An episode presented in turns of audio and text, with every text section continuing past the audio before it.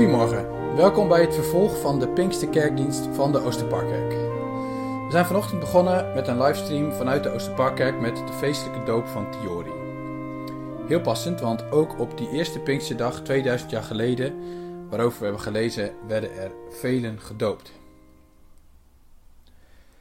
Pinksteren is het feest van de uitstorting van de Heilige Geest. Soms wordt Pinksteren wel eens het feest van de geboorte van de kerk genoemd, ik vind dat eerlijk gezegd een beetje onzin. De kerk als gemeenschap van mensen die in God geloven bestond al lang. Alleen op een andere manier. De kerk dateert van de eerste hoofdstukken van Genesis, toen Adam en Eva wandelden met God in de koelte van de avond. Nee, Pinkster is echt het feest van de Heilige Geest. Vandaag wil ik het hebben over één element van dat Pinksterfeest. Niet zozeer Handelingen 2, het verhaal dat we vanochtend hebben gelezen, ook al gaat het daar natuurlijk ook over, maar over de plek die dit verhaal heeft in het boek Handelingen. Handelingen, moet je weten, is een sequel, een vervolg. Lucas schreef eerst zijn evangelie en daarna het boek Handelingen, als een tweeluik van het verhaal van Jezus in de wereld. Over Lucas heb ik eerder dit vorig jaar al wel eens uitgelegd dat Lucas heel bewust een compositie maakt in zijn boek. Vertelde ook dat belangrijk in die compositie is dat Lucas een beweging maakt in zijn evangelie vanuit Galilea naar Jeruzalem toe. En in handelingen begint hij weer in Jeruzalem en gaat hij weer vanuit Jeruzalem de wereld in. En daar in Jeruzalem, dat is als het ware het hart, de climax van het verhaal met kruis en opstanding en dus ook Pinksteren. Daar gaat het naartoe en vandaag gaat het weer de wereld in. En dat is dus handelingen. Het boek vanuit Jeruzalem, vanuit wat er met Jezus gebeurde, dat verhaal de wereld in. Pinkster is het startsein voor die beweging. Pinkster is in Jeruzalem en vanaf dan gaat het tot aan de einde der aarde. Iets eerder in Handelingen wordt dat heel mooi verwoord en we hebben dat met hemelvaart gelezen. Handelingen 1 vers 8. Jezus' laatste woorden op aarde. Daar staat dit. Maar wanneer de Heilige Geest over jullie komt, zullen jullie kracht ontvangen en van mij getuigen in Jeruzalem, Judea, Samaria tot aan de uiteinden van de aarde. Op een bepaalde manier is dit vers een inhoudsopgave voor het boek Handelingen. Ja, dit is precies wat er gebeurt. Hoofdstuk 1 tot 7, Judea. Hoofdstuk 8, Samaria. En dan vanaf hoofdstuk 9 komt Paulus in beeld en gaat het de hele wereld over tot aan de einde der aarde, dat is Rome. En dat is waar Handelingen eindigt. En Pinksteren heeft dus een plek midden in het omslagpunt van het verhaal waar het vanuit Jeruzalem de wereld weer ingaat. Vandaar natuurlijk ook al die talen in het Pinksterverhaal. Een krachtig, wonderlijk teken precies op dat draaipunt in het verhaal. Vanaf hier niet meer alleen in het Grieks, niet meer alleen in het Hebreeuws, maar in alle talen. De hele wereld over. Niet meer Israël, niet meer alleen Jeruzalem, maar tot aan de einde der aarde. Zoals Lucas dus eindigde met het hoogtepunt in Jeruzalem, Jezus dood en opstanding. Zo begint handelingen met een hoogtepunt in Jeruzalem. En dat is wat Pinkster is. De start van een beweging van getuigen van Jezus over heel de wereld door de kracht van de Heilige Geest. Kijk, en daarom zijn we vandaag ook in onze eigen buurt. En past dat zo mooi bij Pinksteren. Want dat is de plek waar dat moet gebeuren. Het is natuurlijk mooi dat we in de Oosterparkkerk twee keer per week de deuren openzetten voor de buurt. Maar dit, waar je nu bent, dat is de plek waar je woont en leeft. En beter dan waar ook, is dit de plek waar je getuige kunt zijn van Christus. Ja, getuige van Jezus in de wereld. Dat is waar ik het over wil hebben in deze podcast. Van de grote dingen van God. Dat gaat natuurlijk nog steeds door. Rome is bereikt en Amsterdam ook. Het is, kunnen we zeggen, diep in de poriën van deze stad, van ons land, van onze cultuur en van de mensen geraakt. Handelingen 1 verzacht, het Pinksterfeest, 2000 jaar geleden. Het was nog maar een klein clubje mensen. Het was een belofte. En we kunnen wel zeggen, die belofte is ingelost. Kijk maar eens om je heen in de buurt waar je woont. Al die huizen, al die mensen die je ziet lopen of die in de huizen zitten. Ze noemen zich misschien niet christelijk, Maar de lucht die ze ademen is doordrenkt met het christelijke. De unieke waarde van een mensenleven, mensenrechten, emancipatie, democratie, ons rechtssysteem, de scholen waar ze geleerd hebben, de ziekenhuizen waar ze verpleegd worden, de hemel waar ze stiekem nog in geloven, het morele besef waarmee ze leven, de schietgebedjes die aan hun lippen ontsnappen, ze zijn allemaal onlosmakelijk met dat christendom verbonden. Allemaal geïnspireerd door de krachtige geest van die Jezus. Die nog altijd werkt als een onzichtbare kracht tussen de muren van al die huizen. Misschien is het goed om daar eens mee te beginnen vanochtend. Te danken voor al het goede dat God geeft in jouw buurt, in jouw stad. Dat zijn grenzeloze liefde, de kracht van zijn geest inderdaad tot aan de einde der aarde heeft gewerkt. Dat het geen loze belofte was, daar vlak voor die hemelvaart. Heer, ik wil u bedanken voor al het goede in mijn buurt voor hoe u werkt met uw geest in al deze huizen. Voor liefde, voor trouw, voor goedheid, gulheid, vriendelijkheid, gastvrijheid. Wat een rijkdom. En misschien wil je zelf nu wel verder bidden, danken voor iets concreets in jouw buurt.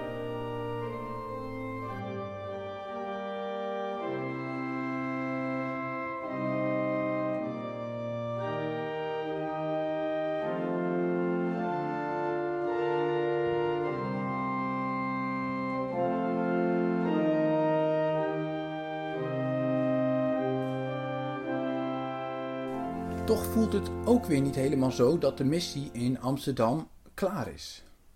De invloed van de geest van Christus mag dan nog sterk zijn, het brokkelt ook af. De kerken, plekken waar die invloed gevoed wordt, raken leger. Christelijke waarden staan ook steeds meer onder druk.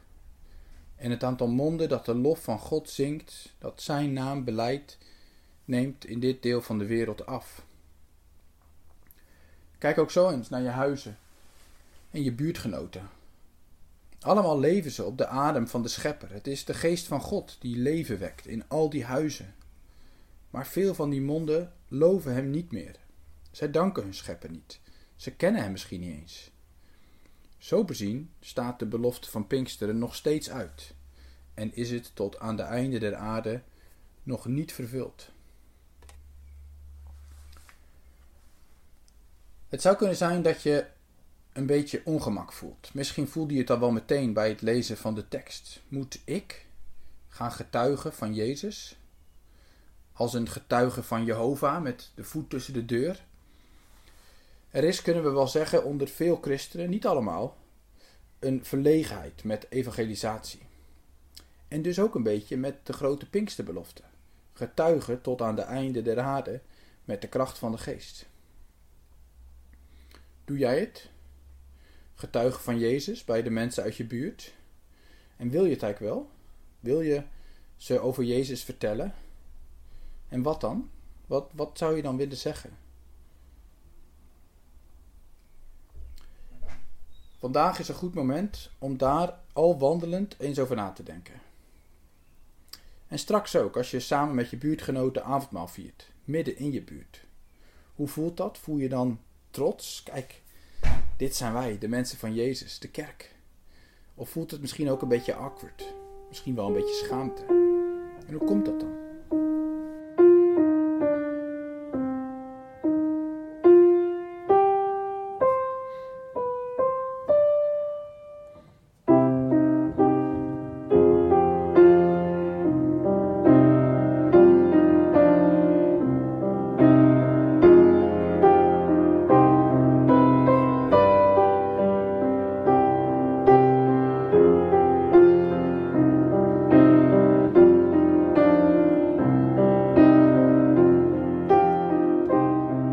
Getuige dus.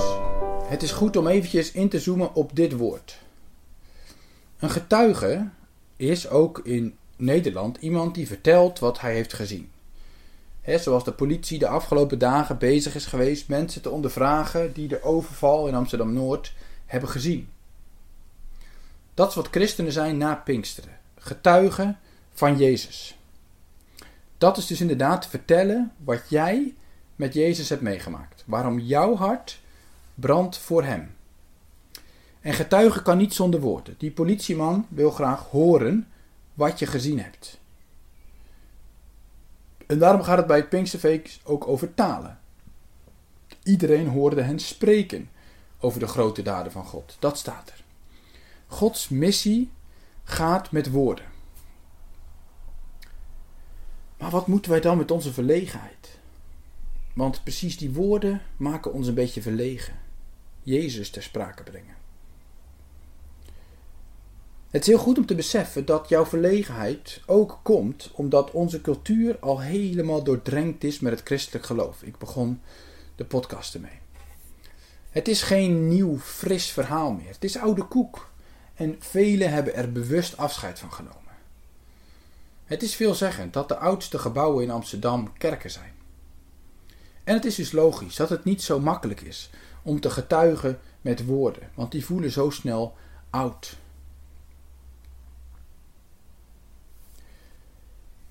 Wat mij helpt is spreken over de kerk. De kerk waar ik bij hoor en waar ik van hou. Dat dat beter gaat, minder weerstand oproept dan direct spreken over Jezus. Het is ook concreter voor mensen, minder zweverig of ver weg. Het is niet moeilijk om te vertellen, ik ben zondag naar de kerk geweest of ik ga dan en dan naar de kerk. En dit was heel mooi in de kerk. We hebben gezongen en dit is waarom ik hou van mijn kerk en daarbij hoor. Misschien kan dat je helpen om woorden te geven aan wat er brandt in jouw hart voor het evangelie, voor Jezus. Om zo een stap te maken in het getuigen over Hem. Maar er is nog meer. We moeten niet vergeten dat het hier gaat om een getuige. En een getuige vertelt wat hij zelf heeft gezien. De politie wil graag weten wat die mensen hebben gezien. Niet wat ze in de krant hebben gelezen, niet wat iemand anders hen heeft verteld. Een getuige vertelt geen aangeleerde versjes, want dat overtuigt niemand.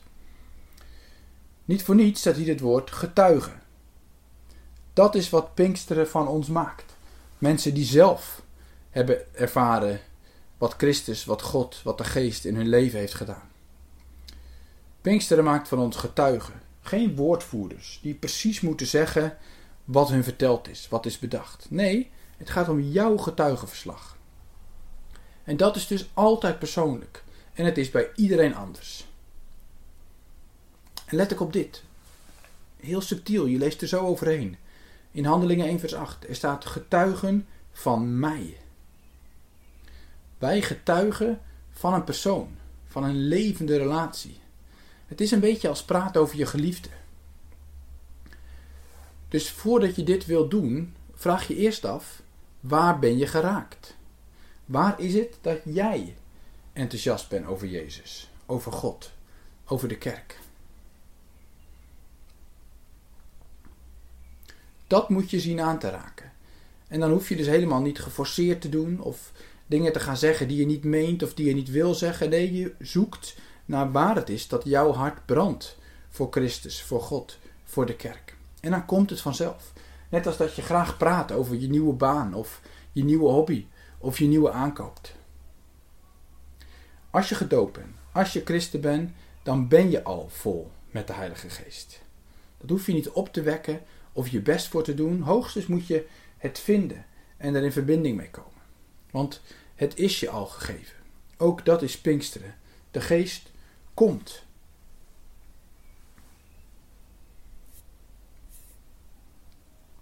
Getuigen met woorden dus. Getuigen van wat jij hebt meegemaakt met Christus. Maar getuigen betekent meer.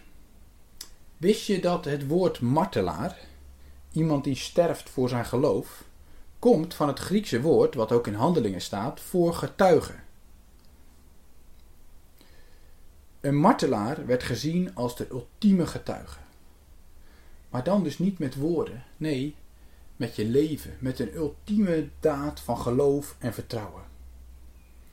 Dit leert ons dat getuigen over meer gaat dan over woorden. Het gaat ook over woorden, zeker, maar het gaat ook over wie je bent. over hoe je leeft, over wat je doet.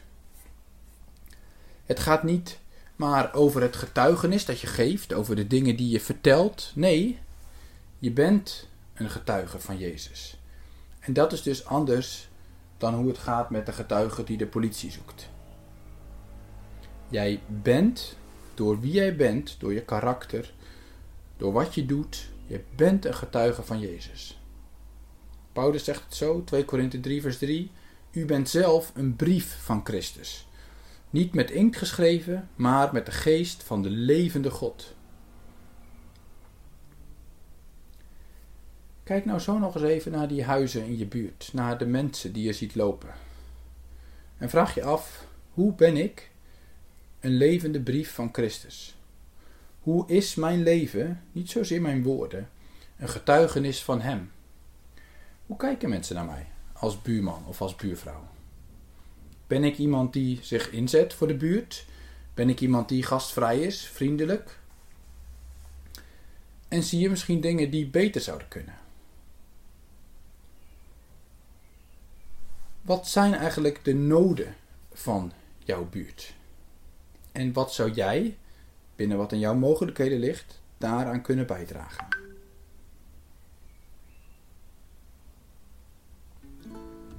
Pinksteren is het feest van de Heilige Geest. Hij maakt ons tot getuigen van Christus, tot aan de einde der aarde. Getuigen met woorden, maar ook getuigen met jouw leven, met wie jij bent als een levende brief van Christus.